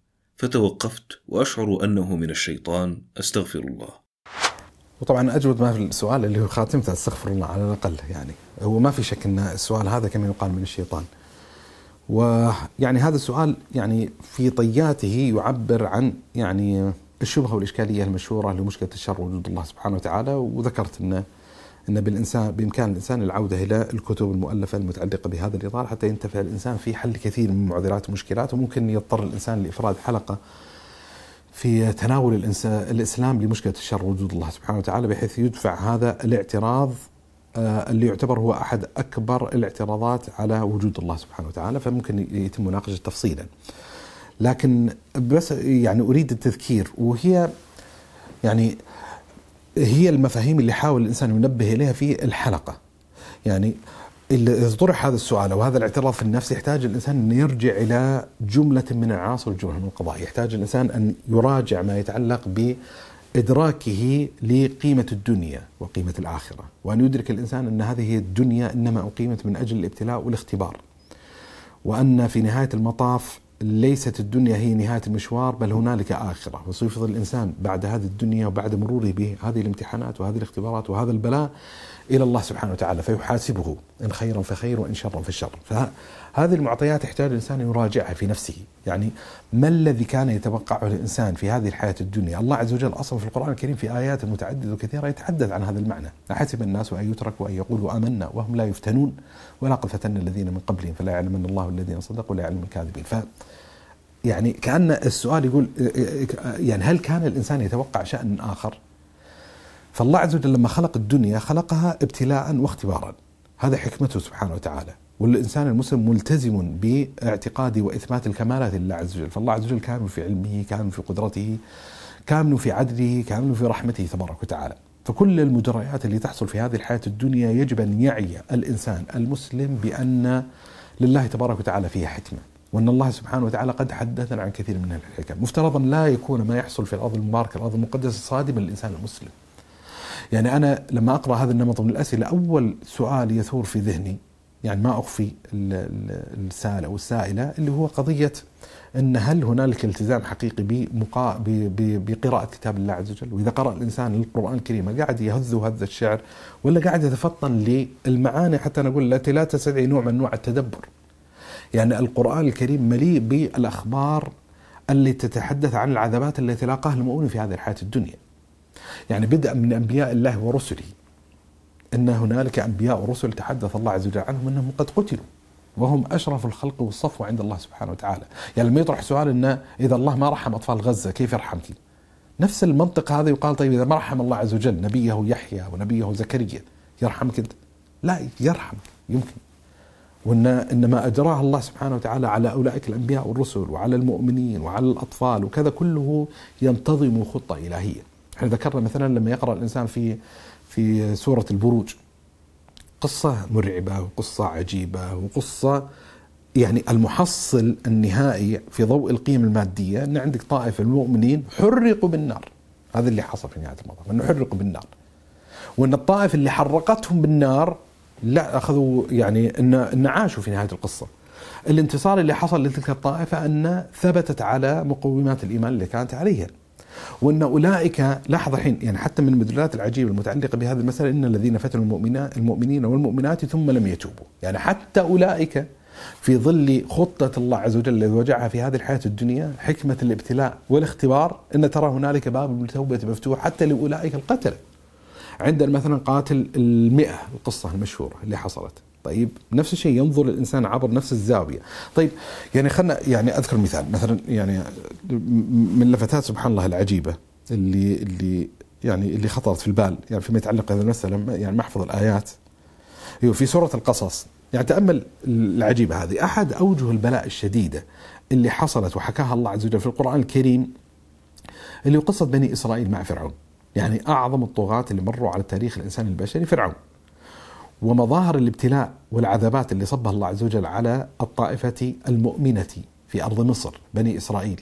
عجيبة جدا. لما يقول الله عز وجل وإذ نجيناكم من آل فرعون يسومونكم سوء العذاب يذبحون أبناءكم ويستحيون نساءكم وفي ذلكم بلاء من ربكم شديد. لاحظ حتى سبحانه تقييد الآية. يعني لاحظ أول شيء إن إن إن يسومونكم سوء العذاب، فالله عز وجل وصف المشهد الذي لا يحتاج أن يوصف اللي هو تذبيح الأطفال، تذبيح الأبناء. واستحياء النساء. ثم يختم الله عز وجل إن هذا فيه بلاء شديد وهذا البلاء الشديد من ربكم. يعني لاحظ المدلول. العجيب فيما يتعلق يعني خلينا ناخذ هذه الالتقاط المتعلقة بموازين الله سبحانه وتعالى وكيف يدير الله تبارك وتعالى الأمور، يقول الله عز وجل في سورة القصص وهو يتحدث في بداية هذه السورة الكريمة يقول نتلو عليك يقول طاسيم ميم تلك آيات الكتاب المبين نتلو عليك من نبأ موسى وفرعون بالحق لقوم يؤمنون. إن فرعون علا في الأرض وجعل أهلها شيعا يستضعف طائفة منهم يذبح أبناءهم ويستحيي نساءهم إنه كان من المفسدين. ثم يقول الله عز وجل ونريد أن نمن على الذين استضعفوا في الأرض ونجعلهم أئمة ونجعلهم الوارثين ونمكن لهم في الأرض ونوري فرعون وهامان وجنودهما منهم ما كانوا يحذرون. لا ترى عجيبة يعني الله عز وجل يتحدث أن في ظل هذه العذابات الحاصلة لبني إسرائيل في مصر. في ظل هذا الطغيان الذي يمارسه فرعون. إن فرعون علا في الأرض وجعل أهلها شيعا. في ظل هذا المشهد الله عز وجل في ظل ما يشاهده ويراه تبارك وتعالى من أحوال فرعون يريد أن يمن على الذين استضعفوا في الأرض ويجعله ونجعلهم أئمة ونجعلهم الوارثين ونمكن لهم في الأرض. ونوري فرعون. يعني على قولتهم things are will go in motion. فتجد الله عز وجل يقدر أن يولد موسى عليه الصلاة والسلام. ويقدر لموسى أن يكون عرضة هذا العذاب. فتؤمر الأم بوضعه في التابوت وإلقاء هذا التابوت في النار. ثم يقدر الله عز وجل هذا التابوت أن يصل إلى أبواب فرعون. وأن يربى موسى عليه الصلاة والسلام في بيت فرعون. ترى كل هذا هي الخطة الإلهية للوصول إلى هذه النتيجة. إلى قضية المنة الإلهية على بني إسرائيل بالانتصار على ذلك الطاغية. لكن المسألة ليست محسوبة في موازيننا نحن أن قضية أنها تتعلق أن يتوقع الإنسان اليوم بكرة سيحصل الموضوع هذا. لا. ترى كل المجريات الآنية التي تحصل ترى يقدرها الله سبحانه وتعالى لحكم عظيمة لحكم عظيمة وأن الله سبحانه وتعالى يقدر هذه الأمور من أجل انتزاع يعني مادة الإيمان من عباده المؤمنين. فمن رضي فله الرضا ومن سخط فله السخط. ويتذكر الإنسان أن كل المجريات الآنية آه، ما يقدره الله عز وجل على الإنسان المسلم هو من أعظم النعم التي يقدرها الله سبحانه وتعالى عليه. سواء كان في ذلك شر أو خير. بشرط أن يستجيب الإنسان لمادة الشر بالطريقة المطلوبة ولمادة الخير بالطريقة المطلوبة. عجبا لأمر المؤمن إن أمره كله له خير. إن أصابته ضراء. صبر فكان خيرا له. وإن أصابته سراء شكر فكان خيرا له. وليس ذلك لأحد للمؤمن. فيستحضر الإنسان هذه المعاني. فيبعد عن الإنسان نفسه عن نفسه وسوسات الشيطان. لا يدرك الإنسان المحكمات الدينية الشرعية المتعلقة بهذه الأبواب. ما حقيقة الدنيا؟ يراجع الإنسان نفسه ويقرأ القرآن الكريم محاولة أن يستشف ما موقف الإسلام والشريعة من هذه الحياة الدنيا. ما موقع الإسلام والشريعة مما يتعلق بالحياة الأخروية. ما موقع الإسلام من قضية الابتلاء والاختبار والامتحان. ما موقف الإسلام من قضية الانتصار. ما عقيدة المسلم في باب القضاء والقدر. وغيرها من المعطيات. يحتاج الإنسان انه يراجع الملفات هذه بطريقة آنية. ويعرف المواقع من الإعراب. ويستحضر الإنسان هذا يعني به أختم الحديث. من اعجب الأحاديث النبوية حديث النبي صلى الله عليه وسلم يؤتى يوم القيامة بأنعم بأشقى أهل الأرض من أهل الجنة بأشقى أهل الأرض من أهل الجنة فيغمس في الجنة غمسة فيقال له هل رأيت عذابا قط؟ هل أصابك عذاب قط؟ فيقول لا يا رب ما مسني شقاء ولا عذاب مجرد غمسة ثم يؤتى بأنعم أهل الأرض من أهل النار فيغمس في النار غمسة فيقال له هل رأيت خيرا قط؟ هل رأيت نعمة قط؟ فيقول لا يا رب ما رأيت. هذا هو الموازين. يعني الله عز وجل أصلا يشرح هذه الملابسات أن الفوز الأخروي هو الفوز العظيم أن الحياة الحقيقية هي الحيوان الأخروي أو الحياة الأخروية. فيحتاج يعني الإنسان المسلم أن يراجع هذه القضية، يعني نحن ندرك مثلا الألم اللي يعتمل في الصدر، ندرك هذه الأحزان، ندرك هذه الأوجاع، أن هذا إذا وصلت الإنسان إلى حد معين هي تدل على إيمان، تدل على خير، لكن إذا تجاوز هذه الحدود إلى حالة اليأس حالة القنوط من رحمة الله تبارك وتعالى. استشعار أن الله عز وجل لا يمكن أن يرحمني لأنه لم يرحم فلانا. هذا المنطق ليس منطقا شرعيا صحيحا ليس منطقا شرعيا صحيحا. ويجد الإنسان في سيرة النبي صلى الله عليه وسلم مع إدراكه العميق لطبيعة العذابات التي صبت على الأمم السابقة لكن كان يعول عن رحمة الله سبحانه وتعالى. كان يطلب من الله سبحانه وتعالى المعونة الدعاء الاستغاثة به سبحانه وتعالى وغيرها من المعاني. و يعني أدعو إلى معاودة النظر في الحلقة اللي تم عرضها إن لم تم يعني مثلا السائل أو السائله يعني استعرضوا الموضوع هذا بحيث إنه آه، أظن إنه قد يصير فيها إثارة بعض القضايا اللي تعالج بعض المشكلات اللي ولدت هذه الحالة الله أعلم. ما اسم الجهاز الذي ذكره الشيخ للقراءة إلكترونيا؟ طيب أنا يعني نخدم السائل جبت الجهاز يعني كما يقال طبعا هذا الجهاز اللي هو ال Max Lumi 2 طيب فطبعا يعني خلينا بنشرح بعض الملابسات يعني بشكل مختصر يعني والفوائد طبعا هذا يعني ما أدري هو تسويق غير مدفوع الثمن أنا ليس الاتصال يعني كما يقال لا بشركة Onyx ولا غيرها لكن آه، شخصيا استنقذني هذا الجهاز من مصيبة ومشكلة كبيره جدا لما قدمتونه على بريطانيا في عدم توفر الكتاب الورقي على النحو الذي يطمع فيه الإنسان. الجهاز أصالة طبعا أستخدمه في قراءة ملفات ال PDF. مشكلة الكتب بالذات الشرعية الدينية التراثية باللغة العربية فيما يتعلق آه، ككتابة إلكترونية أنها آه، ملفات PDF وملفات مصورة. يعني ما هي بكتب نصية. يعني مش على صيغة ال EPUB على سبيل المثال أو الكتب النصية اللي يستطيع الإنسان التحكم بحجم خطها. ولذا ما يستطيع الإنسان أن يعول في قراءة هذا النمط من انماط الكتب اللي هو ملفات ال PDF على أجهزة ال Kindle على سبيل المثال. بالذات ان يعني مؤخرا كل أجهزة ال Kindle تنحو نحو الشاشات الصغيرة يعني كما يقال. ف يعني أنا عندي طبعا شخصيا جهاز ال Kindle وأقرأ عليه الكتب باللغة الإنجليزية. فالمشكلة الموجودة أن حجم الصفحة تعتبر صغيرة جدا بحيث أن الإنسان يصعب عليه أن يقرأ يعني يعني ضغط الكتاب يعني صفحته أو تصغيرها بحجم الصفحة. يصير مثل ما يقرأ الإنسان قريب من القراءة من ال iPhone. يعني سبيل المثال فمش عملي اني يقرأ بل أظن وهذا أنا أستشعر من نفسي أن حالة الاستيعاب وحالة الفهم تكون محدودة جدا. طبعا التقنية المعتمدة في هذه الأجهزة اللي يسمونها ال e-readers اللي يسمونها ال e-paper وال e-ink أنها تعتمد تقنية معينة. ميزة هذه التقنية الشاشة تحاول أن تحاكي قدر الوسع والطاقة والإمكان ما يتعلق بالكتابة الورقية. ليست شاشات LCD اللي مثل شاشات اللابتوب مثل شاشات التلفاز أو غيرها آه، وميزة هذه الشاشات يعني بالمقارنة بتلك اللي هو قضيتين، القضية الأولى إن ما فيها إشعاع ضوئي من جنس الإشعاع الضوئي اللي يرهق العين، المشكلة الثانية الشاشات LCD عشان تخلق ال animation الحركة تعتمد فكرة إنها تطفي وتشتغل ب frequency بتذبذب معين، فهذه مجهدة مرهقة للعين. تجربتي الشخصية مع الكتب الإلكترونية ان ابتدأت مع جهاز ال Kindle، يعني أذكر سبحان الله كنت في مرة في زيارة آه، لكندا. ف يعني كنت مع شقيقي. فسبحان الله ما أنسى الموقف هذا اللي حصل. طلبت الجهاز ال Kindle ووصل الجهاز. فكنت في Kindle يعني حتى كان في physical keyboard إنه في keyboard يعني مش إلكتروني يعني مش virtual افتراضي موجود على الشاشة. فسبحان الله وصل الجهاز في ذات اليوم اللي تم الإعلان فيه عن ال iPad. يعني وصل الجهاز استلمت الجهاز فرحان جهاز جديد. ففي نفس اليوم طلع ستيف جوبز على المنصة وأعلن على التقنية الجديدة الجهاز الجديد ال iPad.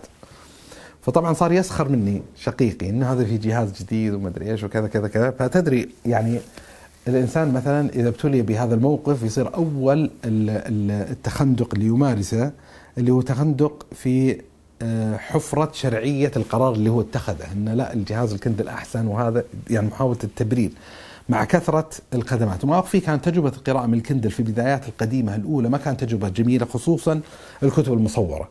لأن عملية الانتقال من صفحة إلى صفحة معينة كان يأخذ حصة زمنية معينة ما كان مرن ما هو مريح. Didn't have a touch screen ما هي بالشاشة لمس. يعني ما كانت أفضل تجربة يعني كما يقال. ف يعني هذا. فصار يعني ما من الجهاز كثيرا. اللي حصل بعد ذلك اقتنيت بالذات صار عندي مسلك أو منهجية معينة الكتب اللي أقرأها باللغة الإنجليزية خلاص صرت أعتمد قراءة الكندل لأن ميزة الكندل إنه تستطيع اقتناء الكتاب بضغطه زر في حين لما كنت اقتني الكتب الإنجليزية خصوصا منصة أمازون كنت أطلبها فيستغرق الأمر أسبوع إلى أسبوعين تقريبا حتى يصل الكتاب إلى باب منزلي. في حين تقدر تضغط الزر وينزل عندك الكتاب. حتى من المصائب اللي بتريد بها إنه صار يستسهل الإنسان يعني دفع القيمة المتعلقة بهذا الكتاب من غير شعور يضغط ويحاسبون على الفيزا وبعدين يكتشف في نهاية الشهر. يعني حجم المبالغ المالية اللي اللي اللي استنفذها بس الشاهد إنه صار الجهاز الكندل هو الجهاز المعتمد لأن فيه مكتسبات ومصالح وأشياء كثيرة جدا. يعني ما ما بدخل في تفاصيلها. يعني خدمة ال X-Ray في في في أشياء كثيرة. آه، فكان من الأشياء المبكرة اللي اشتريتها اللي هو ال Kindle Voyage كان عندي جهاز وبعدين اقتنيت يعني نسخة ال Kindle Oasis آه، بعدها بديت ألتفت إلى ما يعبر عنه بالكتب اللي القارئ الإلكتروني اللي يخرج من شركة Onyx وعندهم مجموعة. فكان الجهاز الأول اللي اقتنيته اللي ال Note Air. ال Note Air تقريبا 10 بوصة. يعتبر حجمه أصغر من حجم الجهاز هذا. حجم الجهاز هذا تقريبا 13 بوصة يعتبر كبير. العشرة بوصة كانت تجربة لطيفة في القراءة بس ما كان هو خلاص البديل عن القراءة الورقية لأن كان حجم الشاشة يعتبر صغير. مش جدا مريح. كنت اعتمده أكثر ما اعتمده مثلا إذا أحد الأحبة أو الزملاء أرسل لي بحثا لمراجعته ففي الغالب بدل ما أطبع ورقيا أستطيع الاكتفاء بالقراءة والتعليق عليه عن طريق عن طريق الجهاز جهاز يعني ال Note Air من شركة Onyx اللي حصل لما قدمت على بريطانيا إني صرت أفكر جديا باستبدال ال Note Air بال Max Lumi 2 وهذه أحد العيوب والإشكاليات المتعلقة بالشراء عن طريق الإنترنت. إن أحيانا لما يشوف الجهاز أمامك تستطيع اتخاذ قرار أفضل. لما يكون تشوف الشاشة حتى تقدير بالذات ما يتعلق بالأحجام والمساحات ما يصير عندك تصور كامل. لما وصل الكتاب وبديت أجرب قراءته الأمر العجيب والغريب إني صرت أفضل القراءة منه على القراءة الورقية.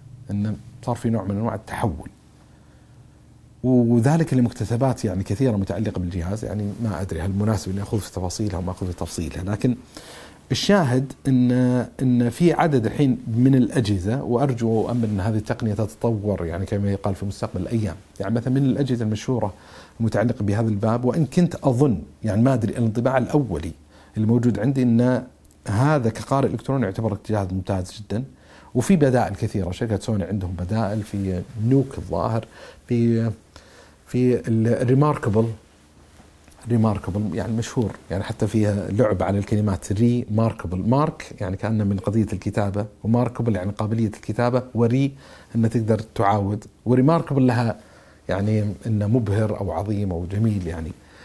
ففيها نوع من أنواع اللعبة. امازون نفسهم دخلوا في السوق هذا عندهم Kindle Scribe الظاهر يعني يعتبر شاشة لكتابة النوتات. يعني touch screen وفيها قلم يستطيع الانسان الكتابة عليه، لكن الشاهد أن الجهاز اللي أنا معتمده عندي على الأقل واللي انتفعت منه الحين قريب السنة يعني تدري لما يقتني الانسان جهاز جديد يمر بفترة تبرير هذا القرار وأن أجود جهاز وكذا وبعد أشهر يكتشف الإنسان لا ليس أجود جهاز وتجد أنه اللي حاصل الحين تجربتي مع هذا الجهاز تقريبا سنة ونص ولا زال علاقتي الودوده بهذا الجهاز هو معي في كل مكان.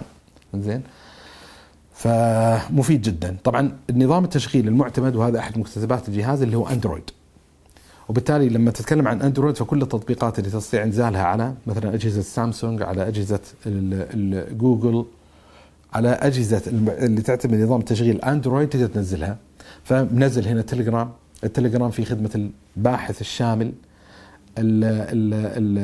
الباحث الشامل يعني تطلب الكتاب ويأتيك الكتاب تفتح الكتاب تلقائيا. منزل Google Drive. طبعا Google Drive أحد المكتسبات الهائلة أن الكتب الموجودة بالتعليقات الموجودة كلها يعني آه، كلها آه، لها نسخة احتياطية معينة سواء تعليقاتك على الكتب أو أو النوتات اللي تكتبها. إمكانية التعليق وهذه خدمة صراحة ممتازة جدا جدا. يعني إن تقدر تعلق على الكتاب يعني ملف ال PDF تقدر آه، آه، كل كتاب له مثل ال notepad زي الدفتر المدونة المرافقة. خليني أذكر النموذج هذا مثلا كتاب آه، لعبد الرحمن بن يحيى المعلمي اليماني. فتلاحظ إن حجم الصفحة عمليا أكبر من حجم الصفحة الورقية وهذا يعني مفيد. لأن إذا تجاوز الإنسان كما يقال سقف الأربعين يحتاج نظارة قراءة. فأنا شخصيا عندي نظارة قراءة.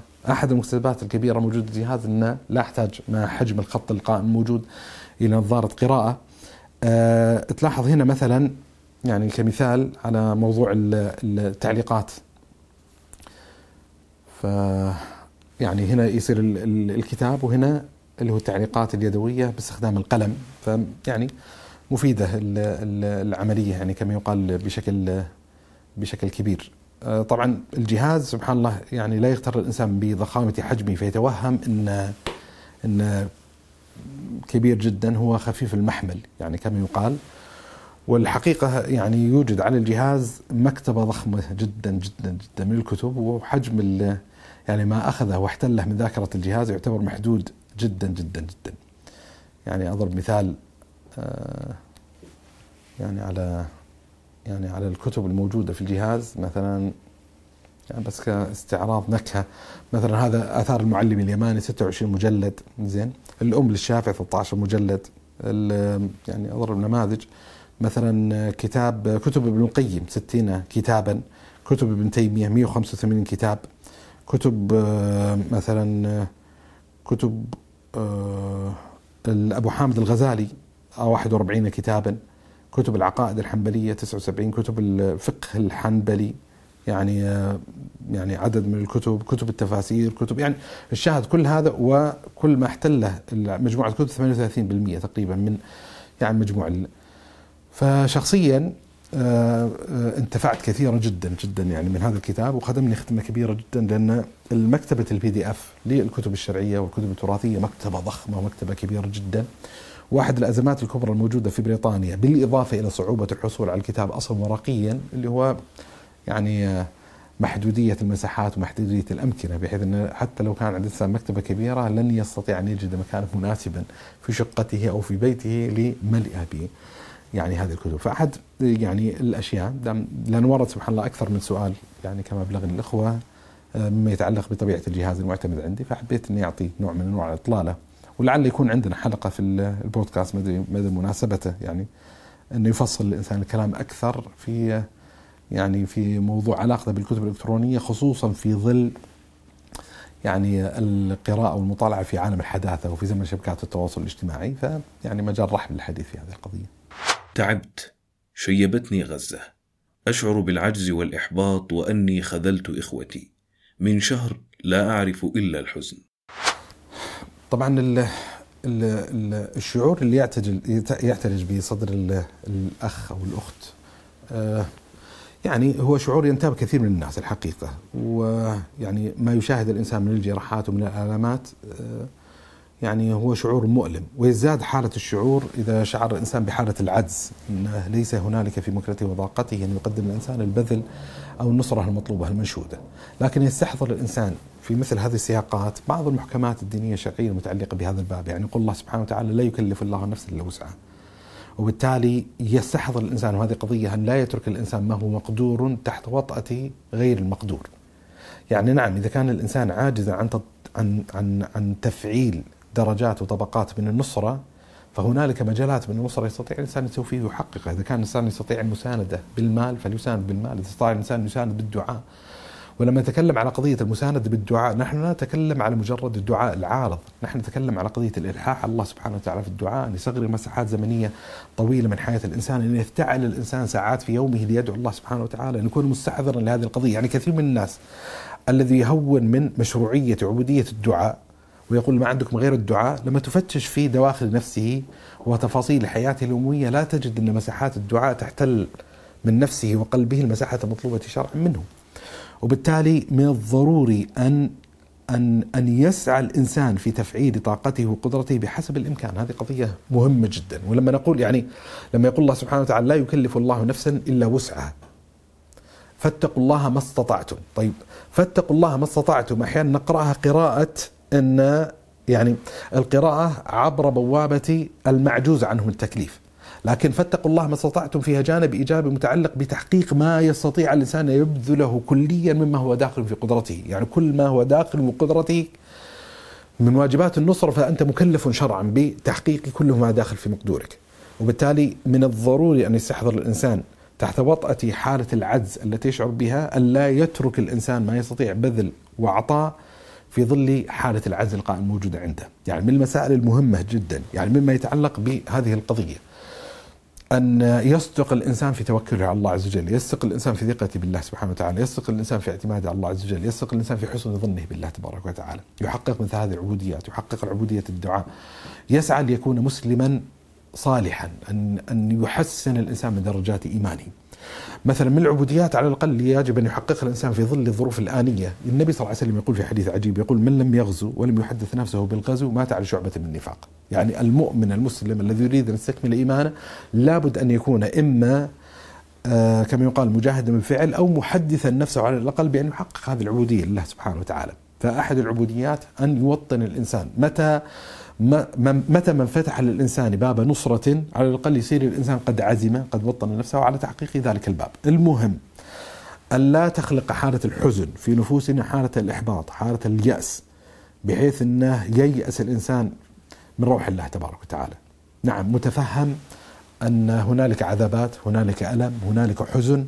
متفهم أن مما يفاقم حالة الحزن الموجودة عند الإنسان حالة العجز آه، عن تحقيق درجات من النصرة لكن لا يجب مطلقا أن تولد هذه الحالة حالة من حالة اليأس والإحباط بل يسعى الإنسان في ظل المعطيات الآنية القائمة بأن يفعل ما يستطيع أن يفعله.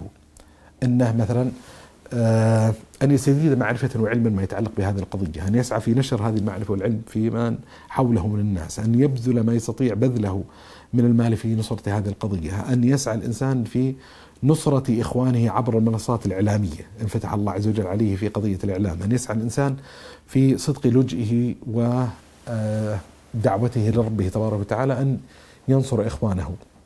وغير ذلك يعني من المعطيات. قلتم يزداد الابتلاء مع زيادة الإيمان. حسنا. أكمل الناس إيمانا بعد النبي صلى الله عليه وسلم أبو بكر الصديق رضي الله عنه وكان أخفهم ابتلاءً. لم يكن شديد الابتلاء كباقي الصحابة رضوان الله عليهم. فكيف الجمع؟ طيب يعني أحد القواعد أصلا في التعامل مع يعني مع الشبهات أو المشكلات أو القضايا اللي هو عدم تسليم المقدمات الفاسدة. يعني هو ينطلق السؤال من فرضية معينة. الفرضية تقول الآتي إن من محكمات الدين الشرعي اللي نبه لها النبي صلى الله عليه وسلم أشد الناس بلاء الأنبياء.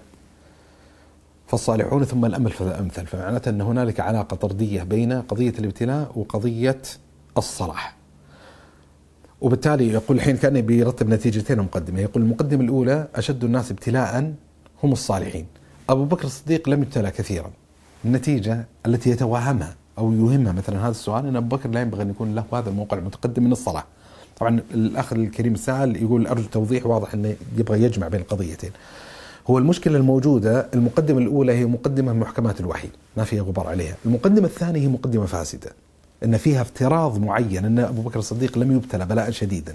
وهذه فرضية يعني يعني قائمة على مشكلات، المشكلة الأولى الأساسية خلينا نفترض جدلا أن ما نقل من سيرة أبو بكر الصديق رضي الله عنه وأرضاه ما يكشف درجات البلاء التي صبت عليه رضي الله عنه وأرضاه، فنستطيع أن نقول أن عدم النقل ليس نقل من أن كثير من مظاهر الابتلاء والامتحان والاختبار التي عاناها النبي صلى الله عليه وسلم فضلا عن غيره لا يلزم بالضرورة أن تكون قد بلغتنا عن نحو منفصل، هذه قضية الأولى. القضية الثانية أن مما ندركه من سيرة أبي بكر الصديق رضي الله عنه وأرضاه أن هنالك مساحات من الابتلاء الكبير والابتلاء العظيم التي جوب بها رضي الله عنه وأرضاه. ابتلاءات كثيرة متعددة جدا.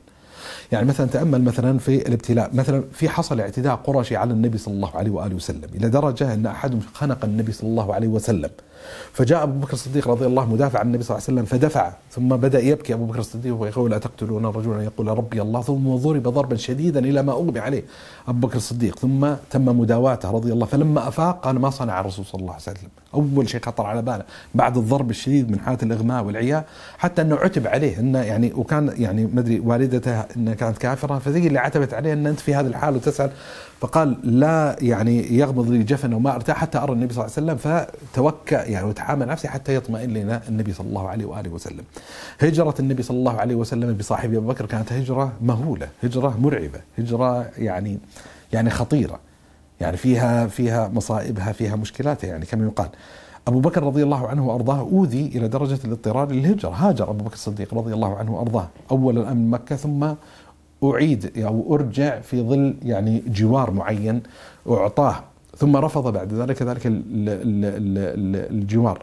يعني الشاهد أن هنالك أشياء وأحداث كثيرة جدا في حياة أبو بكر رضي الله عنه وارضاه تدل على قضية الابتلاء يعني خلينا مثلا نأخذ أحد أوجه الابتلاء يعني آه، في عدة مشكلات في السؤال. المشكلة الأولى افتراض أن هنالك صورة وصفة واحدة لقضية الابتلاء في حين نحن ندرك أن الابتلاء قد يكون بالخير وقد يكون بالشر.